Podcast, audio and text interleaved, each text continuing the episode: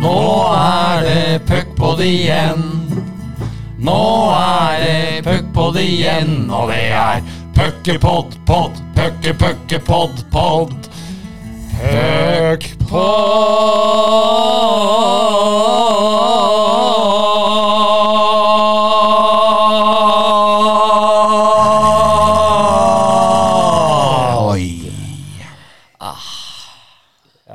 Er eh, puckpod igjen, og Bendik, du har jo valgt en eh, Du valgte en ny metode når du skulle tease eh, ukens pod. Ja, Ta oss igjennom det hele. da, jeg Jeg regner med folk har fått det med seg. Jeg gjorde det, Erik. Jeg bruker jo min Twitter-konto tålelig aktivt.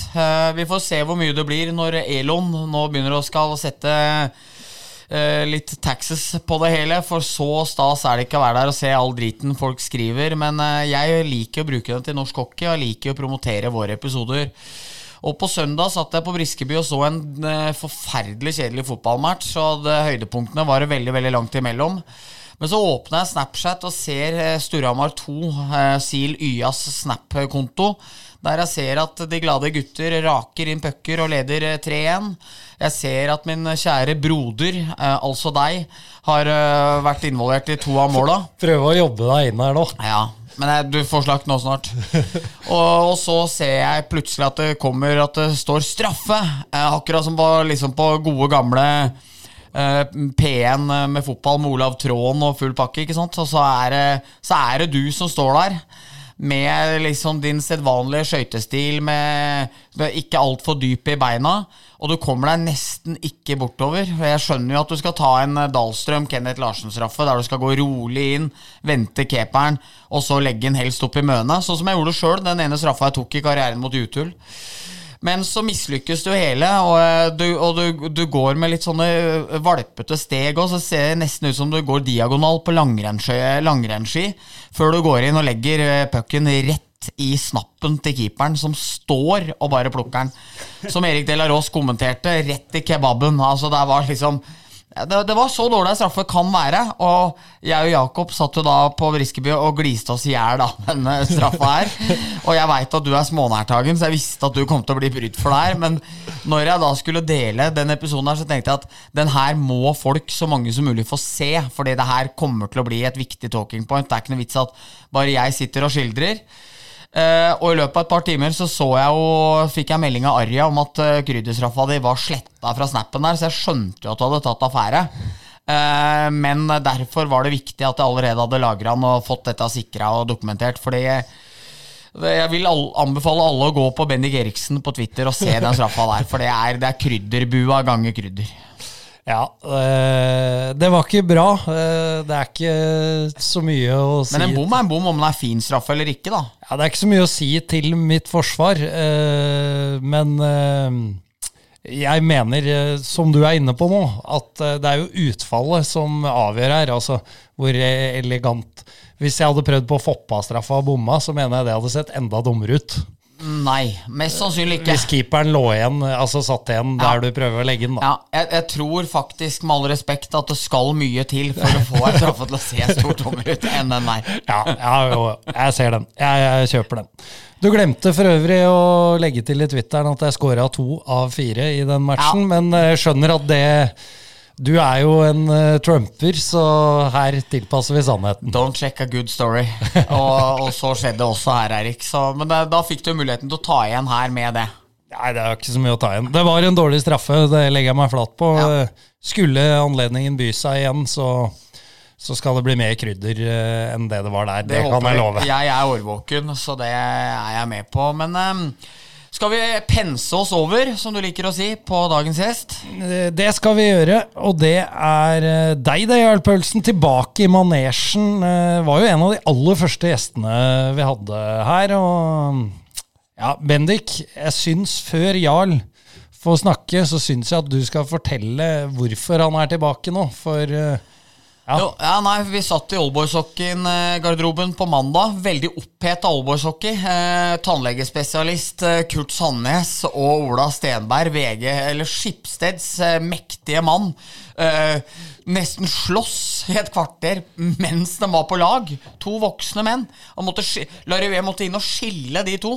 Men i hvert fall etter en, eh, en, en turbulent oldboyshockey så ble det litt prat om puckpoden, og så sier Jarl at ja, da skal jeg faen meg inn og lage ordentlig liv og røre. Og da måtte jeg jo si som sant var at ja, det er ingen som har skuffa mer ut ifra potensialet enn deg for fire år siden. Satt i studio her og takka den ene og takka den andre og booka og skrapa og var så takknemlig. Og røvera var satt så langt inne, så tenkte jeg at Så sa jeg at da får du muligheten på eh, onsdag, for når du lover sånn som du gjør nå, så forventer jeg at du virkelig drar på. Så så i dag så ankom Jarl 11.09, og jeg og du var på bygget her 12.18, så han er i hvert fall ordentlig forberedt i dag. Ja da, jeg fikk, eh, fikk eh, kaffe og smultringer når jeg kom. Ellers så må jeg takke så mye for at jeg eh, ble, ble Jo, jeg fikk, jeg fikk noen sånne ordentlige som jeg fikk på sendinga med Thor, vet du. Ja. Sånne med litt sjokolade på. Ja. Som jeg sa at nå må du tørke deg, Thor, rundt, rundt munnen, så du ikke får sjokolade rundt på barten. så, så, så god oppvartning her før, eh, før de glade gutter ankommer eh, og har en liten prep før vi nå sitter her. Apropos smultringer, før jeg skal dra storyen om uh, gjest her. Men husker du når vi hadde Patrick på besøk her i vår, og så kom Arve Blystad innom med en sånn donutspakke med kaffekopper oppi, der han liksom serverte oss? Og så husker du Patrick bare snudde seg mot meg med mørke øyne og sa sånn derre Ja, donutspakke? Du som har spist ti nå, eller, Bendik? Husker du det? Da ble jeg så jævlig lang i maska da jeg fikk den i nepa her. Det er herlig, Men jeg må, jeg må bare si en ting i forhold til straffa, da, for jeg har sett den, jeg òg. Og jeg er jo enig med Bendik at, eh, at eh, eh, når du går inn der, og sånn du gjør det, og setter hun, så er du helt. Men uh, når du bommer, så ser det fryktelig dumt ut. Det er jeg jo helt enig i. Ja. Litt mer krydder der, Erik, og det veit jeg du har inne. Ja, jeg, jeg må jo bare det nå må opp til bevis. Jeg håper uh, at det blir flere straffer. Ja. Så skal vi la den ligge. Nå skal vi snakke om eh, Jarl, og det har vel vært nok innspill eh, å hente på, Ja, på det, den mannen. Det har vært det. Så jeg fikk fra en eh, kilde i dag morges Uh, eh, Han eh, Jarl var jo på tur til eh, Kjerringsjøen, er det riktig? Ja, altså Vi var jo så langt ute i Femundsmarka som det går an å få det. Eh, Du har ikke signaler på telefonen og Ja, Men det heter Kjerringsjøen, ikke sant? Så ja vi starta jo i Kjerringsjøen da, i Sverige. Ja, ja. Nei, eh, ja, jeg gjenforteller sånn eh, jeg fikk den. da eh, Historia er lang, men på vei inn til Kjerringsjøen var vi heldige og møtte en lokal pokal som kjørte bil. Da vi hadde med så mye skjenk, så var det brutalt å skulle gå sju kilometer med den pakningen vi hadde. Laget som er der, er Patrick Thoresen Jarl, Tor Anders Granerud og Kim Roger Brenden. Så det er jo én veldig godt trent, ifølge avsender her. To middelmådige, og én som ikke overhodet er i nærheten av trent eh, eller har folkehelse i det hele tatt. Og det er da Jarl det henvises til. Eh, Da vi hadde med så mye skjenk, så var det brutalt å gå 7 kilometer med den pakningen vi hadde. Paulsen, som er desidert dårligst trent, fikk kjøreturen med en snill svenske. Han klarte så å glemme fiskestengene mine inne i bilen til svensken, og når vi endelig skulle ut på vannet og fiske, hadde ikke jeg noe å fiske med, for de lå i bilen til svensken, og Jarl var helt sikker på at han hadde tatt dem ut. Han bukka og skrapa og sverga og lova at dem var der. At dem hadde han tatt ut. Det kunne han huske veldig godt. To måneder senere får Puma Junior en mail fra svensken som hadde kjent meg igjen, for han var Timrå-fan. Og jeg fikk kontakt med han, og han sendte med meg stenga. Vennlig hilsen Patrick Thoresen. Så der, eh, Jarl, der eh, gjorde du overhodet ikke jobben. Jeg kan si det sånn at, eh, at eh, jeg har en litt annen versjon av den eh, storyen. Men den er jo morsom. Nå må vi passe på så ikke det her blir et sånn villmarksprogram. For Ja. her er det mye å ta av. Men eh, for å gjøre en story litt kort, da, så, så er jo Patrick eh, reiseleder på denne turen. Og, og som han sier, så har jeg jo på en måte ikke de forutsetningene for å skulle overleve ute i marka. Og, og hadde jo ikke så mye innspill på ruta vår heller. Så nå har jeg mest eh, feltdøgn av alle gutta. Som har tross alt vært, vært marinejeger oppe i Nord-Norge. Er man marinejeger, da? Du kan være det. De har noen spesialtropper der, ja. Jeg får ikke lov til å prate så mye om det. Nei, nei, nei. Det er eh, Top secret. taushetsbelagt. Men det er klart, eh, vi skal jo ankomme Kjerringsjøen camping, eh, hvor da bommen er nede fem kilometer før. Og det er sto, det sto ikke i boka. Nei. Uh, og, og det er ikke bare jeg som har dårlige forutsetninger her, men det er klart, vi krumma hempa og, og kjørte på. Så møter vi jo da en uh, svenske som uh, bor inne der. Eh, hvor eh, hvor eh, det blir avklart at jeg skal bli med han tilbake og hente utstyret. Hvor jeg da glemmer fiskestanga i, i alt dette stresset. da. Han fikk jeg halvei med Kalinka, så han var fornøyd.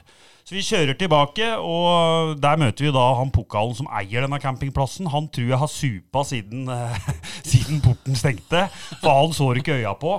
Eh, men han fikk jeg bestikke med ei, ny her med Kalinka, og da fikk vi nøkkelen til porten, så vi fikk kjørt inn en av, en av bila, da. Eh, kommer eh, kommer dit, og det er jo sinnssykt mye bæring, og vi har jo holdt på hele dagen og alt sånn, og kommer da ned til Rogen, som er et gedigent vann. Det er er på nivå med Mjøsa. altså. Såpass. Ja. Og vi skal ro, og det er storm, og Thoresen setter seg så klart bakerst i eh, kanoen og skal styre. Og når du styrer en kano, da styrer du bare. Så jeg, det er jeg som ror. Jeg ror jo ei og halv mil, så jeg måtte, måtte til fysio eh, en åtte-ni ganger etterpå, for den der muskelen som ikke har blitt brukt på veldig lenge, den eh, sto jo da i spenn, da. Så jeg føler jo det at Patrick har jo vært fantastisk form siste tida, og det kan han takke meg for. Ja. Eh, For når det var tøft utpå der, så var det jeg som sa det. Jeg veit du har litt igjen, eh, Patrick. Jeg veit du har litt mer innabords. Så Nei da, men vi overlevde den. Eh, Og brutalt og tungt, men eh, ja. Og fiskestengene de hadde du ikke rota bort. Nei, jeg tok den. Altså, jeg skjønner. Det er klart Når du glemmer fiskestanga til Thoresen på dag én etter en og en halv time ute i marka, så blir det tunge fire dager. Jeg visste jo det. Og han har gleda seg og snakka et halvt år om at han skal dra opp Dra opp ørreten og, og sånn. Altså, han fikk fiskestanga mi. Ja, for det, er, det ligger ikke så mye prestisje for deg i fisking, tror jeg. Nei, det gjør ikke det. Uh, heldigvis så hadde han med seg noen kroker, for jeg hadde kun med dupp. så det var, hadde ikke med en krok engang. Det var liksom bare for å ha stanga på ryggen. Da. Ja, det er bra. Det er bra. Vi, vi har fått uh, ønske om en del repriser. Eh, og noe av dette har du jo også dratt til HAs livestudio, Jarl. Så det er nok ganske mange som ikke har fått dem eh, med seg. Så jeg skal gi ordet tilbake til deg nå. Skal ikke pense. Skal gi det. Ja. Da, nå har vi brukt to forskjellige overganger. Ja. Eh, når du skal fortelle om uh, Det var vel den gangen TV 1000 hadde rettighetene til, uh, til å sende kamper fra NHL. Så må vi ha kontekst på hvem, eh, hvem du prater om. da. Ja, jeg skal gjøre det. Han, eh, jeg tror han blir stolt ja, av, å, av å høre det, men han vil ikke bekrefte det sjøl. Anders Blegeberg var jo, var jo, var jo kommentator. Jeg veit jo at Anders hører på, så eh, det er fint å Jeg har skrytt av deg, Anders, eh, tidligere.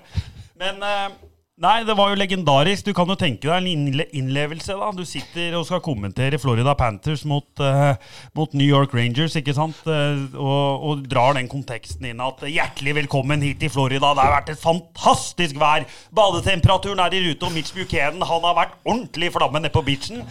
Eh, og så plutselig hører du i bakgrunnen Anders! Anders! Det er fire eller fem brødskiver! Da satt han jo på prupperen nede på Torshov og kommenterte, ikke sant? og, og dette har vi jo konfrontert Anders med. Ja, men jeg, bare buljong. Han satt i Stockholm og kommenterte. Så var mora som kommenterte? Nei, som ropte i bakgrunnen? Ja, det, ja, de sier det, da. Så jeg syns jo den er legendarisk, og Ja, den den blir aldri for gammel. Nei, den er stor. Så den får du buda på, Anders. Den ble jeg sa på Torshov. Det er, så stort at du har plukka ut Torshov som sted. Kunne kjørt Gelgebær òg, da. Ja, ja, ja. Ja, det det er bra, Jarl. Ja, men Den syns jeg er morsom, og, og, og det var så kult, fordi at jeg hørte på en podkast, den Vålerenga-podden. Jeg husker ikke hvem som var gjest der, men det var en av gutta. Så, sier, så er jo Anders eh, er jo programleder sammen med eh, et par til. og så spør han spilleren uh, Anders, gutta sitter og snakker i garderoben. Er det sant det der med at du, ble ro, satt og kommenterte på prupperommet, og, og, og at mora di spurte om du skulle ha brødskiver og sånn? og han bare Nei, nei, nei, det er, det er bare til jeg satt i Stockholm. Ja, sorry. Fint. Uh, vi, vi skal ha disse avbrudda gjennom episoden, så det, det blir veldig bra. Se her, ja. Men eh, da håper jeg bare Ja, telefonen min ringte. Jeg håpa bare at jeg hadde slått av Bluetooth, ellers så veit vi at det kicker inn, eh, Bendik. Yes. Men da har vi kontroll på det. Ja. Eh, det er landslagspause, så vi må jo ta en liten pust i bakken og evaluere ligaen litt, da. Ja, vi må jo det. Ja, så Sparta, de leder. De leverer varene. Ja, de leverer varene nå. Har de fem eller seks strake seirer, vel, og har vært utrolig gode. Altså Så imponert over dem, og at eh, de bare bygger videre og videre på det de driver med. Det Topprekka deres var jo folk som sa at det kunne kanskje gå litt nedover etter den sesongen de hadde i fjor, men eh, det syns jeg ikke det har gjort. De har fått inn Celine, som jeg kanskje syns i banespillet at ikke er noe blendende god hockeyspiller. Man produserer veldig, veldig bra. Eh, Eirik Børresen, den uh, medievante, PR-kåte 91-modellen fra Solvang, er jo bedre enn eh, ja, Vi må nesten tilbake til 14-15 for å se sånn offensiv produksjon fra han. Håvard Salsten helt rå, Faggerud rå. Og ikke minst Tobias Nordmann i buret, som er bedre enn eh, Carl.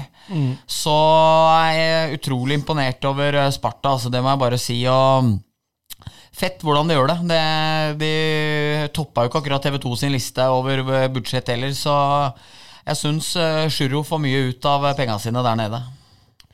Det er jeg helt eh, enig i, og klarte jo endelig å bryte stjernenforbannelsen, må vi si, var vel ni eh, strake nederlag mot eh, Ja. Østfold-rivalen. Helt ulogisk òg, i og med at de er jo vært bedre og syns de har hatt bedre folk eh, rundt seg.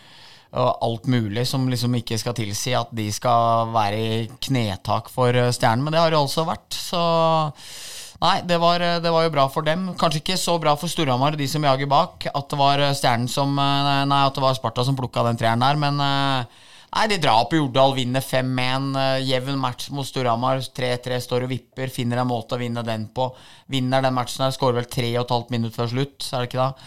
Så de er jo bra på det der, og så får vi jo se hvor bra de er når de blir Hvis de blir utsatt for eh, litt skader og karantener. For eh, nå er eh, godeste Niklas Rost Nå er pesten. Nå er han så mye i bråk og småkrangler og sånn om dagen. Nå er han på sitt rosteste. Så det kan jo hende at det bikker litt over der. Og så litt rostbingo fremover nå, så kan det jo være at de får noen utfordringer. Men så langt så er Sjur Roberts tog på perrongen og vel så det. Så er det jo relativt jevnt, da, må vi si. Vi har jo Storhamar på en eh, femteplass. eh, Bare seks poeng bak eh, serielederen. Det er moro, Jarl. Ja, jeg syns det. Jeg syns det, har blitt, det har blitt en jevn liga. Litt sånn som du sier om Sparta. Dem har et tog og fått i gang. Men så har du flere lag òg. Jeg syns Storhamar har, har på en måte styrt veldig mye matcher i år, men det har mangla det siste. Jeg syns de begynner å få mer fasong på det nå. Eh, Jeg var jo så heldig å få være i Warner Arena eh, og se mot Asker, og det var ketsjup-effekt. Det var moro, altså. Den var vel som alle matcha mot Asker siden 2018-19-sesongen. Ja, altså at eh, Bare at du fikk uh. Bare at det ble utdeling uttelling? Ja, det var jo det. Det var mye som ligna der. Mer powerplay til Frisk. Dalberg eh, canceler en goal. Eh, det var eh, mange ting. Storhamar totalt dominerende, men eh, den gangen her så hadde jo ikke Frisk noe å stå imot med. Og var jo også forferdelig, forferdelig dårlig Frisk. Eh, men Storhamar var skikkelig, skikkelig gode, og da ble jo forskjellen veldig stor. Og Sånn det ble i tredje perioden, kunne jo fort blitt enda mer, og for Frisk fant jo ikke noe fasong på noe som helst. Altså, de dumper pucken ned på sin sterke side, og fem sekunder etterpå så har Øksnes spilt avlaster opp til Dahl, som har spilt ut i midten, og der er Karlsson og Elsen aleine, to mot én. Altså, det var helt sånn komikveld, det Frisk holdt på med, men uh, Storhamar var ditto sterke, og det var uh, gøy å se hvor mye offensivt som bor i at det er flere andre enn bare Patrick og Salsten og Berglund som kan produsere. Ja, og jeg tror Storhamar kommer til å klatre veldig på tabellen eh, framover. Men så er det jo, med på en måte Storhamar-øyne så er man jo alltid kritisk når man taper og, og, og sånn. Men, men for ligaens del så syns jeg det er helt overlegent at uh, nå slår de aller fleste hverandre. Uh, og det er vel et gap, lite gap etter Storhamar. Eh, eller Asker, da. Eh, ellers så er det jo veldig jevnt.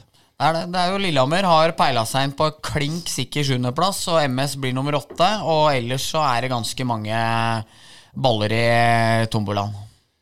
Ja, det er jo sånn det ser ut uh, nå.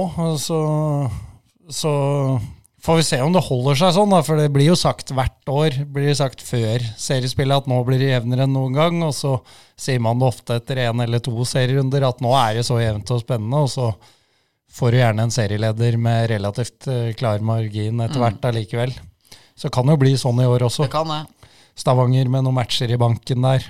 De er jo i så måte litt heldige nå, eh, i det man eh, kan Eller heldige, heldige. Fordi Kristoffer Carlsen fikk jo tre matcher. Helt uforståelig eh, at han fikk det. Altså eh, Jeg skal gå inn på det her snart. Uh, men i hvert fall, uh, Carlsen kan jo sone de tre kampene før Storhamar skal spille mot dem. Storhamar skal bare spille én kamp mot Lillehammer før Stavanger-kampen. Mens Carlsen er jo i gåsetegn heldig som får sona unna de matcha før Storhamar skal møte dem. Men vi må stoppe litt på den der karantenen til Carlsen. Fordi jeg veit ikke hva Jørn McCall og Mats Wikstrand har skrevet i dommerrapporten sin, som er sendt inn etter den matchen. Men at eh, disiplinærutvalget eh, går inn og gir tre matcher når du ser video der altså Du ser jo at han ikke treffer han i hodet. Du ser at han kaster på hodet fordi han blir treffet eh, litt stygt av Carlsen i sida, som takler han når han egentlig ikke er taklingsbar fordi pucken er gått forbi han. Så jeg er helt enig at det er en to minutter interference. Men hvis du klarer å gi tre matcher på det der, da, da skjønner du seriøst ingen verdens ting om ishockey. Og der er folk som har spilt hundrevis av kamper i den øverste ligaen. Altså, jeg, jeg prata i en liten chat vi har eh, i går med noen som også jobber i TV 2, og sa det at dette blir jo som gjenopptakelseskomiteen. Altså, det, du må nesten gå av hvis du klarer å gjøre sånne ting som det der. Altså, En takling rett i brystet kan ikke Vi kan ikke sitte og manipulere videoer og late som at man treffer noen i hodet når man ikke gjør det. Det, jeg mener, det er helt rystende, og spillernes sikkerhet er på ingen som helst måte ivaretatt. Og Altså De klarte å gi Asbjørnsen karantene i fjor når han var så vidt borti dommeren, og dommeren er, søker like mye han. Jeg mener det her er nesten like ille. Det er ikke like ille, men eh, det er, det, er, det er rett og slett justismord og en stygg gripe i diesellakken som bør være jævlig flau for dem å bite seg for. Sånn kan vi ikke ha det. Har du sett den? Ja, ja, ja.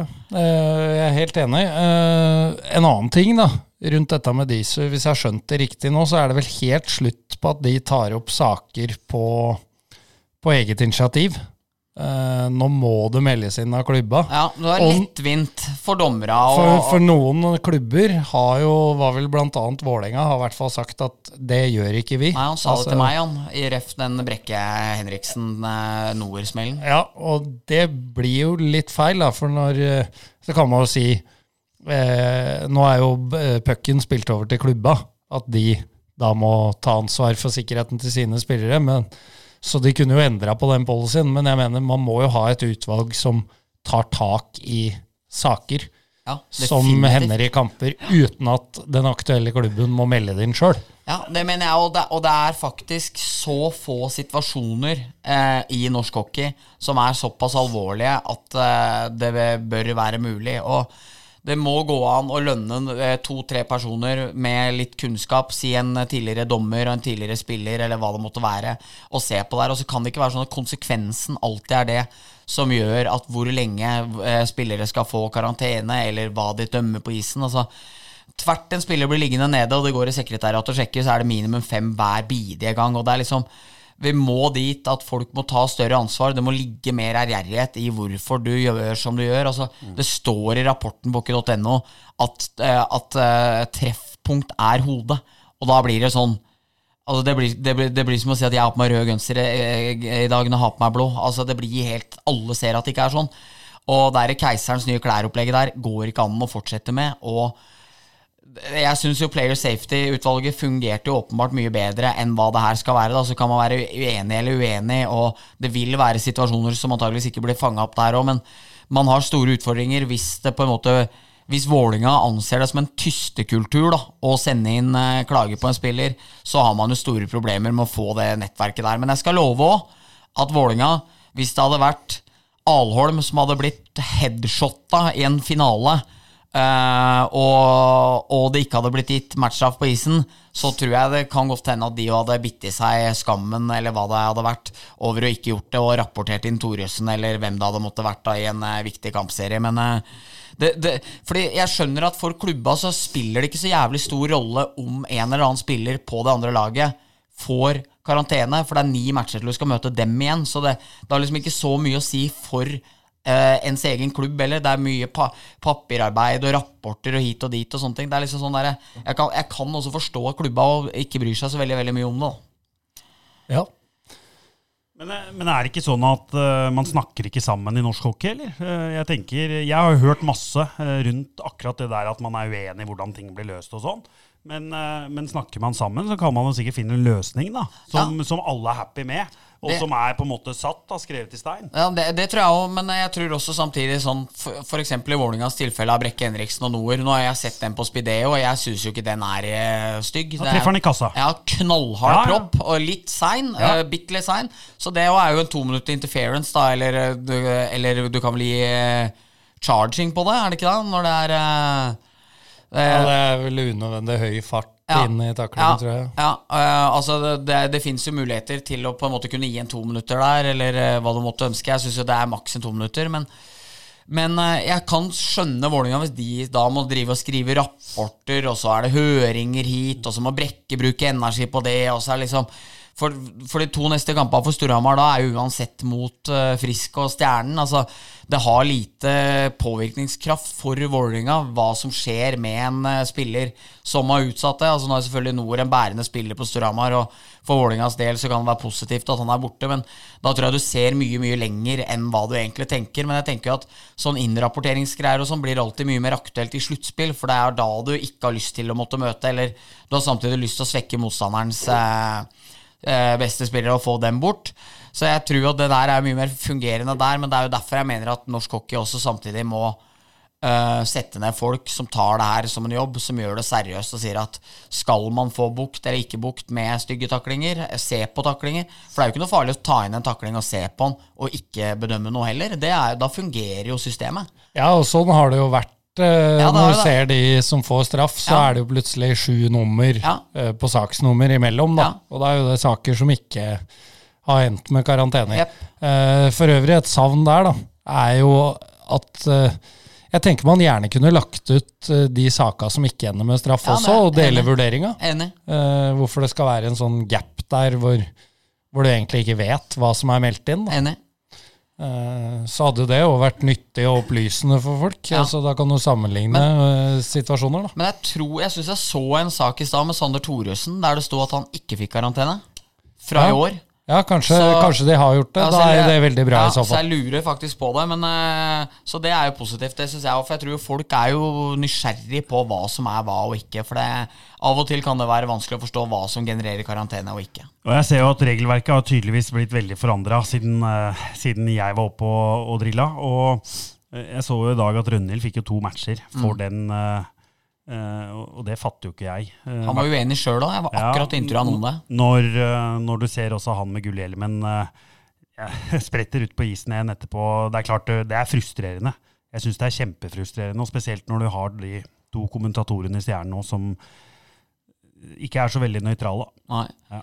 Nei, og så er er jo det vanskelig, fordi jeg på en måte berømmer jo Dosty, fordi jeg syns han blir ikke liggende veldig veldig lenge nede. Altså Han kommer sånn tålelig fort opp, han går og kjenner på det i boksen. Og så, da tenker jeg at det er fint at han spiller, men hvis dommerne Og nå, nå, nå snakker jeg jo for dommerne. Eller altså, jeg skjønner jo at når dommerne går inn, det koker i Stjernehallen eh, Han i vaffeljakka bak benken til Storhamar har nesten knust pleksiglasset, for han står og skriker og slår, og stemninga blir så hatsk og. Så skjønner jeg jo at det jo påvirker jo eh, dommerne der og da til at det er veldig veldig lett å gi eh, matchstraff eller det. Eh, og Jeg sier ikke at det ikke er matchstraff, det er en helt, helt fair vurdering å, å sende han av isen her, for den taklinga blir ikke pen som følge av hvordan ting og tang blir. Men det gjør jo også at at bedømmelsen blir som den blir, og så, og så er, står man jo oppi det. Men, men for jeg liksom jeg, jeg digger at folk kommer seg utpå igjen og spiller. Liksom. Jeg, jeg mener at det kan ikke være en begrunnelse for at du ikke skal få karantene, hvis det er en karantenebar straff. Eh, at han heldigvis kom seg utpå igjen. For belønner jo, eller berømmer jo, at folk klarer å spille, liksom. Men, men det er jeg helt enig i, eh, og, og overhodet ikke. Jeg, og jeg tar heller ikke han Dosty, eh, hvis det var det den het. Men, eh, men eh, jeg syns jo på en måte Rønhild, som er en tøff spiller og har vært i mye hardt vær Jeg syns jo han blir tatt, da. Ja. Hadde det vært en annen en, så kan det hende at det ikke hadde vært samme straffa. Ja. Men jeg, veit ikke. Jeg, jeg bare opplever det sånn eh, når jeg ser det. Og det hadde også vært spennende å sett hva som er straffeutmålingene. eh, For det er jo som var i Premier League. Det, det føles jo som at hjemmelaget oftere får fordeler med seg enn bortelaget pga. at du har det koket fra tribuna og alt mulig som spiller en rolle når du skal inn og se der. For det- den femminutteren Djupvik får òg, er jo ikke sant, Det blir jo litt det, det, er jo, jo det kan jo sies at det er jo småspesielt, liksom. Men en ting jeg liker med eh, altså sånne regler det er blitt i år, er at du kan få femmer Ja, og fortsatt være med i matchen. Enig. At du ikke må gå av. enig. Jeg trodde Rønnhild skulle få det. Ja, Når jeg så at Dosti reiste seg sånn tålelig kjapt, og sånn, så tenkte jeg det. Så, men når han fikk matcha, så tenkte jeg sånn Hadde det vært på Hamar, og det hadde vært 4500 eh, som hadde PP for harde livet mens dommerne var inne der òg, så kan det godt hende det hadde bikka andre veien, uten at jeg skal rikke noe ved integriteten. Uten å nevne navn, da, så husker jeg for et par år siden så kjenner jeg en som var i Disu. Den vil jo helst ikke navngis, ikke sant? Og han sa jo det at han hadde fått et klipp tilsett. Da, da satt han på Gran Canaria, på Holmarna, og drakk akevitt. Så og han skulle bedømme og kaste terning. Så, det, så, så jeg veit at det har forekommet noen varianter. Det var en som måtte avbryte julebordet når han var på sitt tolvte beger. Ja, nei, det er, det er derfor du er her, Jarl. For å sprike opp, sprite opp med litt alternative sannheter når, når det blir for tung materie. Ja, og da kan vi jo fortsette. da. Nå har vi snakka litt om karantener og utvisninger. og Jarl, du er jo en av eh, Dette er en gammel favoritt fra Åas livestudio. Du er jo en av få som er eh, utvist to minutter for lugging i Gjøvik fjellhall. Ta oss gjennom eh, hendelsesforløpet. Ja, dette var jo i, i Furuset eh, forum.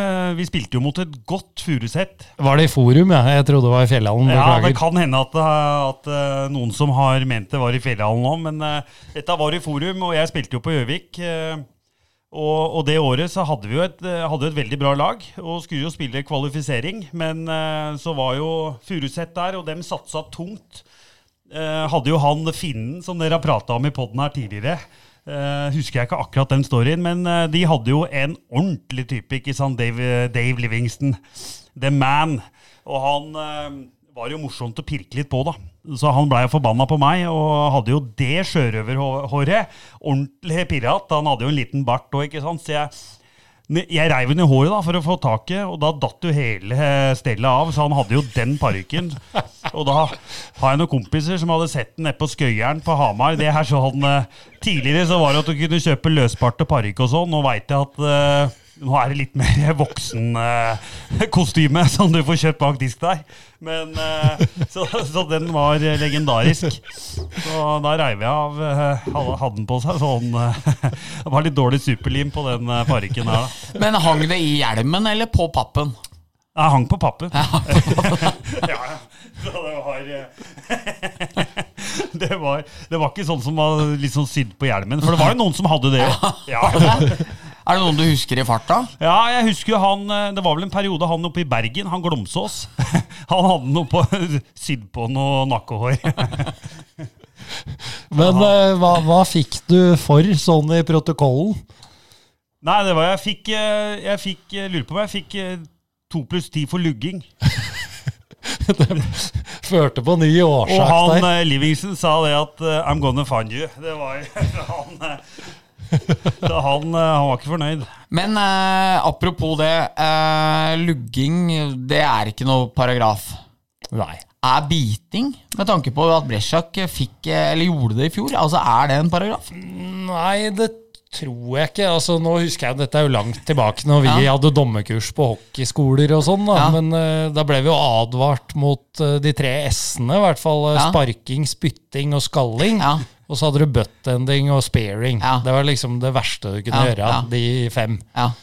Men jeg kan ikke huske jeg har hørt noe biting. Nei, men Men, jeg, Men det er mulig du får for usportslig, da? Ja, Eller røffing må må jo være det, da. Eller så putter de det på interference. Det er jo det de tar, hvis de ikke vet. Ja. men jeg prøvde jo meg jo på dommera da, på den der at eh, Altså, jeg har jo ikke lugga, for han har jo ikke hår. Nei. Det er en parykk. Ja. Altså, jeg kan jo ikke bli straffa for liksom Men eh, den eh, ble ikke kjøpt. Nei.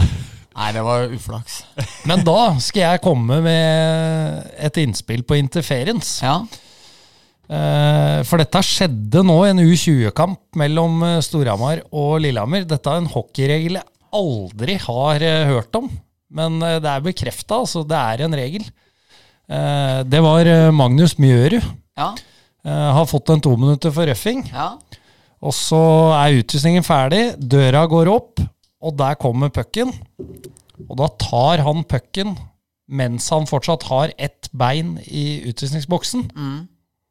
Og da er det to minutter for interferens. Å. Rett inn igjen. Herregud. Uh, så det syns jeg Jeg skrev det opp her på forhånd da jeg fikk høre det, at det hadde skjedd. For det er en regel, altså, Ja. så det er riktig dømt. Ja. Men hvordan er det mulig? For det er jo en funksjonær som åpner utvisningsboksen, og da er jo utvisningstida ute. Så hva har det å si at du da rører pucken med et bein i boksen? Jeg mener det er prestasjon å klare å ta imot eh, pass sånn når du da har den ene foten din på plast og den andre på is. Men det, det er selvfølgelig det, Da finner man på en idiotisk regel som heter interference, og så er, er det uflaks da med at eh, den dommeren åpenbart kan eh, sin ABC på regla og da har hjemmel for å dømme den for en annen dommer med bedre spilleforståelse da ville jo da bare latt han gjøre det, for ingen hadde ropt på utvisning på deg. Det irriterer meg når jeg hører sånn at folk får sånne utvisninger. Da hadde jeg eksplodert. Ja, jeg hadde knekt kølla. Ja, og det ble jo, det, det ble jo litt dårlig stemning. Og da syns jeg bare dommeren skaper et problem som egentlig ikke fins. Øh, Men debatten her gikk jo på at uh, altså, det- når folk blir klar over regelen, så er jo det på en måte greit. Eh, dommeren følger jo regla, det må han akseptere. Men eh, diskusjonen da gikk jo på at han var jo ute, Ja. mente de, da, Ja. før han tok pucken. Ja. Eh, men eh, fikk et innspill der eh, fra min sjef eh, Morken om at det må jo være en regel som stammer fra før det var pleksi. Altså at spillere kunne Ja, ta kølla over ja vantet. sånn, ja. ja, ja, Og det syns jeg var et godt innspill. Det er Ja. kanskje der den kommer fra. ja, det kan være. Da går det an å spørre Ove Haakensen, f.eks., som var gammel toppdommer. Eller eh, kanskje Jon Svarstad. Han var vel litt eh, når det ikke var glass. Ja, å ja, ja. For i Gamlehallen var det jo til og med til 2007-2008 eller noe uten glass på utvisningsboksen, så så da, da var jo de gutta her over middagshøyden, da. Da var de jo på La Perla-høyden, liksom. Ja, så, ja. ja, ja. De fighta jo, fighta jo med publikum og Ja, ja. Det, ja, det var jo helt sinnssykt. Ja, nei, men da veit dere det, i hvert fall. Det må jo være en av Hawkins uh, Mest idiotiske regler. Ja. Men interferens er Det er jo interfere, altså avbryte, eh, forstyrre. Eh, det er jo du, du må jo være til hinder for noen, da. Altså, eh, da må, jeg mener jo Da må regelen hete noe annet, for det er jo åpenbart ikke å interfere. Ja, men altså, nå, nå Det er jeg helt enig i. For det er som du Eh, men- sier, Den bare sier det er interference, for de har ikke noe annet hjemmel for eh, hva det er. Ja. Men da må, det, da, må, da må det stå i dommerboka 'ta pucken fra utvisningsboksen', eller et eller annet sånt. Så at det blir mer konkret. Ja, for det høres helt idiotisk ut. Men jeg syns det er helt merkelig, for uh, du uh, Altså, det er jo pleksi, Ja. og døra ble åpna fordi utvisningstida er ferdig. Ja. Altså er du ikke utvist lenger. Da er du jo femtemann på isen. Ja. Men mye kan jo skje tilbake til den kampen eh, på søndag som du var inne på med straffesituasjonen. Ja. Så, så fikk jo vi også en utvisning for seks mann, Ja. til tross for at vi har fire utpå. Ja. Eh, for det, da, da var det to som ikke hadde hoppa utpå, men da mente de at fjerdemann av fem tok pucken, er for mange på isen. Ja. For han han bytta med, hadde ikke gått av. Men jeg, men jeg har en fin story på Jarl her som jeg kan spille opp på det her, faktisk. Uh, yngre juniorsluttspill uh, i ja, Hva blir det? 2004, eller et eller annet sånt. Jeg Begynner å bli Ja, men jeg mener det var mens Jorunn Stiansen var med i Idol. Det er sånne sjuke ting som jeg husker. Jeg og Shayan hadde, hadde satt på VHS-opptakeren på TV-en hadde fått av en vaid som hadde stått på siesta først, og skulle ta opp Idol. Og så gikk vi opp i ishallen og har vært innom og kjøpt med oss en en 1,5 liter hver med julebrus fra fra gammalsalget på Maxi der og rusla opp i hallen i pelsjakkene våre og var så bøse. Og Jarl og gutta spilte, hadde slått ut Stjernen i kvartfinalen. Kent Inge som trener eh, hadde 18 mann eh, klare for match. Spilte med 9 til 10. Eh, helt rørende. Og i den matchen mot Lillehammer, da, i den andre kvartfinalen, så lå jo Stramar under, og det var jo bare best av tre. Så var det 2-12 igjen på klokka når Jarl får en jævlig billig utvisning av Gudmund Lien. Eh, og blir jo da helt krakkilsk. Og jeg tror at eh, dommeren, og han var jo Det var jo en fryktelig dommer. Eh, jeg tror han skjønner at eh, den er så billig, så når Jarl kløyver takla kølla si over utvisningsboksen og kaster hjelmen og holder på, så får han fortsatt ikke ti minutter. Og da, da oppstår det jo furore da når Jarl sitter der med en kølle knekt i to, og det er tolv sekunder igjen når han skal utpå, og dere ligger under 4-3, av årets viktigste match, ikke sant. Så Kent Inge beordrer jo da Dan Ivar eh, rundt med en ny kølle som Dan, Ivar, som Dan Ivar kommer løpende inn, helt rød i pæra, høy puls, og, og Jarl mottar kølla, går ut på spillet tolv sekunder, klarer ikke å score og kløyver den kølla av over tverrleggeren der. Det ble en dyr kveld på jobben. Ja, men eh, jeg krita vet du, på køller og på gamle Realsporten. Ja. Så, så, så visste jeg jo det at han skulle flytte butikken, så jeg drev og gjemte meg. Han drev og lette etter meg, han også, han Real. Jeg, jeg drev og gjemte meg, så jeg tror jeg skylder han for ti køller eller. Men øh, var det ikke han var det ikke, Han hadde jo ko, han hadde kone òg, som øh, og av og til jobba der, og så du sa du skal ha ny hockeykølle, og så kom han med en langrennsstav klar, var det ikke han? Jo da, hun prøvde vel, eh, hun prøvde vel da litt å skulle inn i hockeyverdenen, ikke sant? Og jeg sa jeg skulle ha en ny Titanen 420. Ja. For Olsen han hang dem i rede med dem, og, og jeg likte å spille med den hooken. Eh, og da spurte jeg om det, og da kom han med sånn her i nye Fischer-bøyla som, uh, som han hadde fått inn. Altså, da skjønte jeg Kalle staver bøyler på, på fagspråket. kom noen, noen skikkelig bøyler. Så um, spurte jeg om jeg kunne få med skismørning òg, da. Det var uh, Og da kom han med Isos der, så det, det var nivå. Så den, den får vi by, da. Fan, den var stor, den realsporten øh, ved barnehagen der ved iskroa Nei, ved, ved peisestua der. Det, Var ikke bare hockeyutstyr under disk der, altså. det var eh, samme med pucken rett nedafor. Du hadde liksom eh, hadde varianter, da. hadde varianter. Tenk, tenk på det var, altså, Kiosk vegg i vegg med en ishall som solgte porno. Tenk, på det, liksom. Ja, jeg kjøpte jo 40-tommeren eh, av Khan, liksom.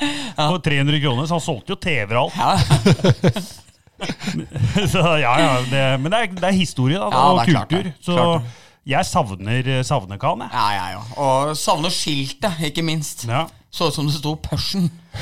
Og legendariske burgere. Altså, Ja. og det tror jeg alle i Norge som har vært og spilt eh, på Hamar og Storhamar, dem har vært inne og smakt på den uh, burgeren. Ja. Ja, det var jo gjerne salatburger. Folk hadde ikke råd til å kjøpe med kjøtt. og vi har jo en felles kamerat som prøvde å rane den. Ja. Det er jo Ja, leg ja. legende. Kom med finlandshette og skulle rane den, og så drar jeg bare. Ikke Jeg kan nevne navn, men eh, Nei, det har vært mye stort.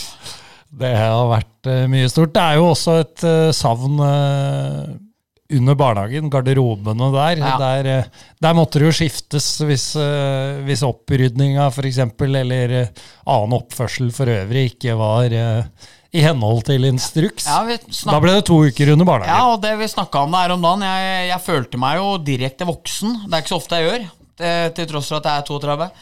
Så sendte jeg jo MMS til deg av eh, hvordan det så ut i garderobe 5 her forleden, før en Allboys, når det så ikke ut. Eh, og da var jo tanken min med en gang at når jeg sender den der til deg, du går videre til Tommy Larsen med den, så er det rett under barnehagen med det laget som har vært der. Men eh, den institusjonen under barnehagen her fins jo ikke lenger, så nå håper jeg det er det nest verste som fantes, nemlig å måtte skifte på tribuna i gamlehallen. For det var heller ikke noe stas.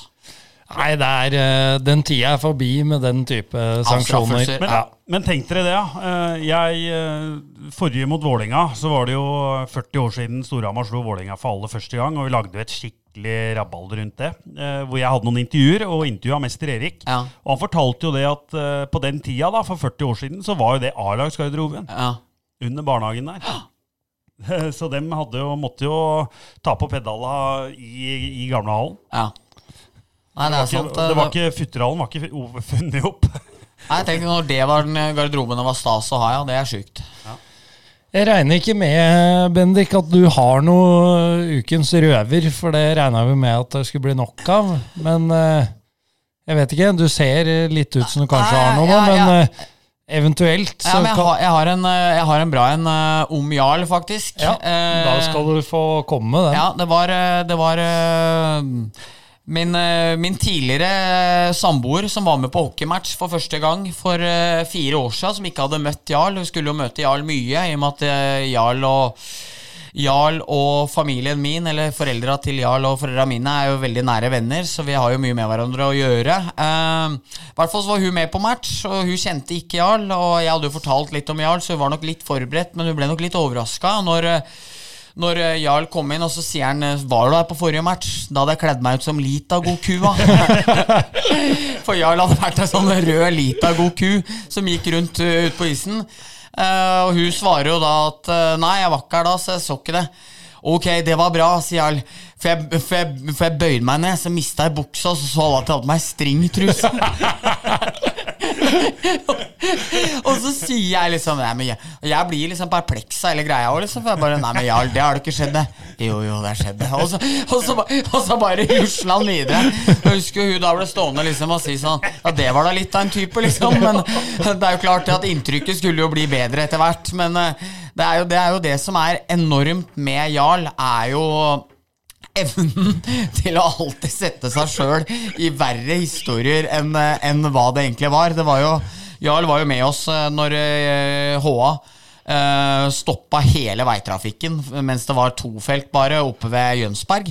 Vi mista jo dekket på bilen, så hadde jo kø helt eh, til eh, forbi Brumunddal bak oss. Altså vi, hadde, vi gjorde det så ble 1 12 time kø bak oss. Og så var det veiarbeid der. Og så var det veiarbeid, sånn at det var kolonne på begge veier. Og det var ikke en bil som kom forbi. Og det var eh, søndag formiddag, og folk skulle ned fra hytter og sånne ting. Og da hører jeg jo bak i bilen, så sitter, så sitter Jarl og prater, og så sier han at ja, det verste med dette var jo ikke det at vi, at vi stoppa hele veien. Det var jo at Så sier han at jeg er så diaré, så jeg satt bare oppe i skauen her og dret, sier han. Så alle i bilen bak og så meg, men jeg kunne ikke bry meg. Og det hadde jo ikke skjedd. Så, liksom bare, så evnen til å alltid gjøre seg sjøl verre er liksom enorm hos Jarl. Altså, det, skal, det, det skal du faktisk ha for. Du gjør gode historier enda bedre med å alltid sjøl ta på deg den verste rollen. Ja, og eh, etter at eh, det ble familieforøkelse på, på Jarl og fruen, så, så har han jo ikke hatt like mye tid til å være ute blant folk og, og spre disse gode historiene hvor, eh, hvor eh, han, eh, som du sier, eh, setter seg sjøl i verre situasjoner. Så da var det jo gledelig å se at på lokalavisa oppe i Narvik, fremover, der var det en artikkel og litt furore over en militærmann som hadde vært inne med geværet hengende over skuldra og handla mat. Da ser jeg til min store glede at Jarl han har meldt seg på i kommentarfeltet. Eh, for, for folk var jo veldig hissige. Ja. Syns jo dette var unødvendig Ja. av eh, vedkommende soldat. Ja.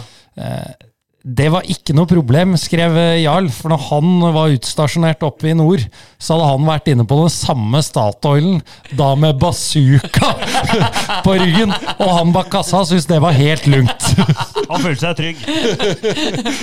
Og men det Åssen havna du plutselig i kommentarfeltet oppe fremover? Ja. Nei, altså Det er tydelig at jeg eh, er på mye, da for jeg har fryktelig mye rart i feeden min som, eh, som kommer opp, og, og deriblant eh, mye sånne kommentarer. Og jeg syns jo det er moro når jeg ser For jeg ser at folk er veldig på hugget og er superseriøse og er ja, irriterte, da. Ja. Eh, Og folk melder jo seg på, ikke sant. Og da syns jeg det kan være litt kult å sprite litt opp i, i kommentarfeltet. Ja.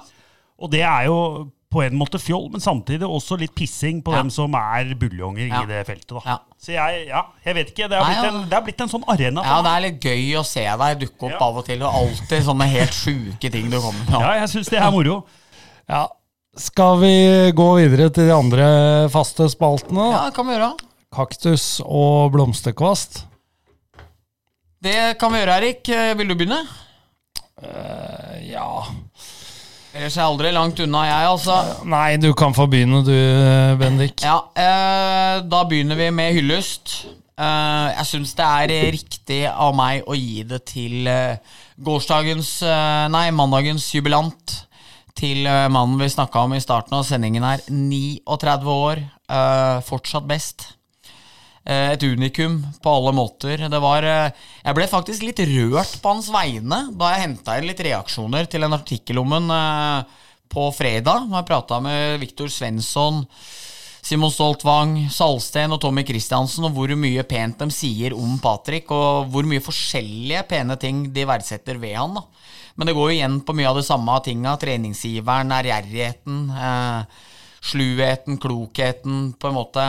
Altså Tenk, han er et svin på isen, men han er samtidig så anerkjent og populær. Da har du på en måte gjort mye rett. Så Thoresen, eh, Storhamars NO40, det er eh, det er eh, så hel ved og så stort, det han driver med, at det er eh, nesten ikke til å tro. Og her, så her om dagen så sto jeg og syntes litt synd på meg sjøl og, og lagde noe Findus-mat der du stort sett bare må varme opp før en Storhamar-kamp. Og så gikk det en gutt forbi, en eh, ja, en eh, 16-17-åring kanskje, noe sånn som man eh, på en måte fikk eh, kanskje litt inntrykk av at var bitte liten eh, outsider som skulle opp i SSU der, med en NO40 Thoresen-drakt. Og så når han gikk forbi meg, så liksom ble jeg stående i vinduet og se på han gå bortover, og så tenkte jeg at en vakker dag, liksom, så Altså, te, bare tenk på det, liksom at noen betyr så mye for andre mennesker at man kjøper drakta deres, på en måte. Altså, altså en NO40, en 18, en 23. Altså, det er liksom folk som gjør så mye ekstra, som gjør at folk blir så glad i dem at de gjør det der. Og en vakker dag så vil det ikke trykkes NO40 Thoresen-drakter, men da slo det meg liksom veldig at vi må på en måte nyte dem her og nå, mens de fortsatt eh, er her. Høres ut som jeg er dau, da, men eh, som hockeyspiller og Nei, alt det Patrick har gjort og gjør for klubben, og ikke nesten ikke minst for puckpoden òg, med å være den gode kilden han er, så syns jeg nesten eh, det er på sin plass at jubilanten får for, blomster, for en blomsterbukett, en imaginær en, av meg og deg denne uka her, Joe. Tiltredes. Og Jeg vil bare Unnskyld, gutta, at jeg avbryter. Han, Nei, er, han er et svin i skauen nå, for å si det sånn. Uh, men jeg er helt enig. Uh, Patrick er fantastisk. Ja. Og jeg vil bare tilbake kjapt uh, på den der bilturen med han svensken. På Ja. starten av den der Ja, turen. ja, ja. Eh, så sa jo jeg det i bilen at vi har jo med Patrick Thoresen. Djurgårdere. Djurgårdere spiller litt i Filly og sånn. Og det var jo grunnen til at vi fikk skyss tilbake. Ja. Så var jo Patrick, så vi utnytta jo det. Ja, ja, Og nøkkelen på det. Ja. Nei, man må gjøre det. Det er Ja, ja. jævlig viktig. Det. Det er viktig. Uh, ja, han uh, har jo ikke like stor karriere, men uh, en jeg har valgt å trekke fram nå som det er litt sånn Ja, litt pause i ligaen, da. Landslagspause. Det er Dan Kissel. Han er en imponerende mann. Han er jo på mange måter Stavangers Larivé, da. Ja. Han er en gentleman på isen. Nesten aldri utvist, og da er det noe to minutter for hekting. Liksom ikke noe tull med mannen.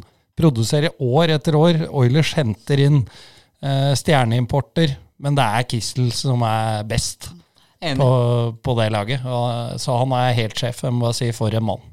Enig. Og så syns jeg det er så stilig òg, fordi han var en rakett som kom oppover i 200 og gikk inn og skjøt eh, skudd og sånne ting. Men eh, i takt med at han har blitt litt eldre og farta minka litt, så syns han har funnet en utrolig fin måte å være like produktiv på. Og man har sett mange spillere når de har mista fysikken sin, eller at den er blitt svakere, at eh, da har poengfangsten uh, stoppa helt opp. Men eh, Kissel han finner veier og måter å komme seg til målet på, så helt enig. Utrolig hockeyspiller. Ingen tvil. Vær så god, Jarl. Jo, takk. Jeg har uh, lyst til å gi blomster til, uh, til en, uh, en kompis som eh, har fått en, eh, fått en viktig rolle i norsk hockey. Uh, Cato Kokossa, som har blitt eh, daglig leder i norsk topphockey. Eh, en utrolig viktig jobb, og jeg syns han har gjort veldig mye på kort tid. Det jeg bare håper, det er at eh, norsk hockey kan samle seg litt rundt den og hjelpe den, for han klarer ikke dette aleine. Og jeg føler jo på en måte at han har gjort mer nå på kort tid enn eh, veldig mange har gjort uh, før han. Så han er Hva, han har- han gjort? han er, har en motor. Jeg ser han, han er jo rundt på arenaene, besøker klubbene. Han eh, jobber med masse spennende prosjekter eh, og har mye spennende tanker. Eh, så jeg håper at klubba også kan samle seg litt om han og, og kan utvikle det konseptet da, for at eh, norsk hockey skal bli et mye bedre, bedre produkt. Ja, det er jeg enig i. Så blomst til Cato. Og forhåpentligvis litt inspirasjon eh, i, Ja, ja, ja. i den blomsten òg, ikke sant? Ja. Yes, da var det kaktus, da. Da var det kaktus. eh, og kaktusen denne uken her er jo til et sted der vi har vært ganske hyppig. Eh, vi har jo vært i Warner Arena noen ganger nå. eh, men jeg må si, eh, og vi har jo snakket så pent om eh, disse trenerne og disse oddsetterne på utsiden der, og sportssjefen og ute-NM og det ene med det andre, men Warner Arena med sine svarte seter på en torsdagskveld i november så, altså Nå er det greit, nå var laget helt jævlig dårlig òg, men ikke 2000 hjemme mot uh, Oilers på en lørdagskveld. Uh, 1500-1600 mot Storhamar ble helt rundspilt. Disse svarte, scenene, nei, svarte setene rundt, det føles som det er midt i en begravelse når det på TV der. Kameraene fra arenaen, altså det er skygge en meter på innsida av alle vanta. Altså Det føles nesten ut som det er, eh, altså at det er eh, mørkegjemsel. Og det så ut som for frisk egen sone òg, at eh, det var det de drev med. Men eh, jeg syns liksom at det blir litt, det blir litt for enkelt, alt der. Altså, det er eh, det er litt sånn stusslig alt. Jeg veit ikke om det er litt sånn voksesmerter for å komme i gang før du, før du får satt uh, tinga dine, men prate om en bøs uh, meny på restauranten, og så er det nesten ikke en tilskuer ellers i hele hallen her. Det er uh, frisk. Opp i ringa. Jepp. og min kaktus, den går Eh, altså, jeg nevner ingen spesielle. Storhamar er flinke på det. Flere lag eh, med dem. Eh, jeg tror vi har vært inne på det før, men det er dette med hjelm på trening blant trenere. altså, er det ikke bare å bruke det? Altså, det er jo bare dumt å ikke bruke det. Petter Thoresen tryna på isen i stad. Ja, det hørte jeg. og han bruker hjelm. Han bruker hjelm. Så Slapp hun å skalle opp eh, halve bakhuet. Ja, for du vet jo aldri når det Selvfølgelig enda viktigere jo yngre utøvere er, men du vet jo aldri når noen tryner og du ikke har sett det, og tar beina dine, og da hjelper det ikke hvor oversikt og god du er på skøyter. Hvis du får 90 kilo bak knea, da detter du bakover. Ja, det er helt riktig. Eh, så kan, kan, vi da legge til alle de som varmer opp med hjelm uten reima? Det er altså så jævlig dumt ja, og pinlig og, og 80-talls og flaut at det er helt nitrist å se på. Ja, det er helt idiotisk. Og, og, og jeg det... sykler uten hjelm, altså, det er ikke, og er, jeg er ikke flink nok til å bruke hjelm. Liksom. Altså, jeg skulle ønske jeg var bedre sjøl. Det er ikke det jeg er noen enorm moralforkjemper her. Men å fly der Hvis du først har tatt på deg hjelmen, så drar reima rundt, da, for det ser helt idiotisk ut. Ja, ja, ja. Det det er fine reklamer der fra Trygg Trafikk nå. Går jo på det med både sykkelhjelm og bilbelte, med legenden uh, Torstein Hund fra ja. Vikingene. Ja, ja. Sitter, på stor, sitter, på toppen av hoppbakken der og Jeg vet jeg bør bruke hjelm, men du er enig i at det er en veldig kort tur? Han skal bare ned unnarennet. han, han er sterk. også. Han er sterk, og det er et godt poeng. Så til de klubba det måtte gjelde, da, eller trenerne i, i norske klubber bruk hjelm. Ja. ja. Eh, jeg var jo med jobben i Warner Arena på nevnte kamp da, eh, mot Storhamar. Eh, en kjempeopplevelse. Men det var første gang jeg var der. Jobben hadde leid en VIP-losj hvor det var litt servering. Du kunne få deg en øl og, og et glass vin og, og, god mat. Og jeg syns jo det er skandale altså, at ikke vi kan ha noe sånt på Hamar. De har det på Lillehammer, de har det overalt, men ikke på Hamar. Jeg syns det er blodig urettferdig. Og det er klart, alle disse klubba får et kjempefortrinn eh, på det. Så, så, politikerne her får den kaktusen. Altså. For jeg, jeg syns det er på tide å våkne. Jeg skal ikke mene om det, for jeg driver faktisk med en sak om det i disse dager. Men eh, det er jo et paradoks i Hamar at du lørdag formiddag i april ja. kan uh, gå på Peppa Gris i Kulturhuset med ja. unga dine ja. og drikke øl hvis du har lyst. Jeg oppfordrer jo absolutt ingen fedre til å, eller mødre til å sitte og drikke øl på Peppa Gris klokka tolv. Men uh, det, er jo, det, er jo, en uh, ganske stor motsetning til at det da ikke er mulig å kunne ta seg en pizzabit og et beger på en hockeykamp. Det er det ingen tvil om. Nei, jeg synes det og, og, i forlengelse av det her, som også går på politikerne, de skal få en nasjonal nasjonale og skal jaggu få en kaktus. For uh, nå er det kryr av milliardærer som flytter ut, og store bedrifter. Og de skal jo sikkert ha inn de penga et eller annet sted, så jeg er jo livredd for at nå skatteseddelen blir uh, brutalt mye større. Og jeg syns det er dårlig at de ikke kan sette seg ned og finne en løsning da, på det. At de bare lar de rikeste bare stikke. Kanskje de, kanskje de tar igjen på deg positivt, ja. Eller at eh, de eh, lar det bli mulig å kjøpe øl overalt. Sånn at eh, de altså, får inn penga sine der igjen på avgiftene derfra. Ja, det kan jo hende. Ja. Det kan jo Det vil være kreativt. Det er kreativt. Det, var godt. Du skulle vært politiker. Takk. Da er vi vel ved veis ende, i hvert fall ifølge mitt Word-dokument. Med mindre det er noen som har noe å legge til. Da. Åh, det er så mange historier som vi kunne ha tatt, gutter. Men jeg skjønner at vi har den timen. Vi har det. Eh, da takker vi for at du kom, eh, Jarl. Veldig hyggelig. Ja, veldig Gleder meg til neste gang. Så Takk, Eirik. Og så skal vi oppfordre folk, eh, faktisk, for det var så hyggelig å se iTunes-appen. Det heter vel det, der det står podcaster på hvis du har eh, iPhone. Um, uh, og der var det noen som hadde skrevet at man aldri hadde sett en hockeymatch, men de hørte på oss, eller han hørte på oss hver, hver eneste uke og ga det fem eh, stjerner. Så jeg mener at eh, folk må fortsette å bruke det, og bare skrive positivt og negativt, og spre det gode ord, og så For sånn sett blir vi større og sterkere og mektigere. Erik. ja, det er ikke sikkert folk ønsker at du skal bli noe mektigere etter at uh, du har brukt makta di på å drite ut en av dine beste venner på, på Twitter eh, de siste dagene. Vi takker for at du hørte på, så er vi tilbake om et par uker, vi. Adjø.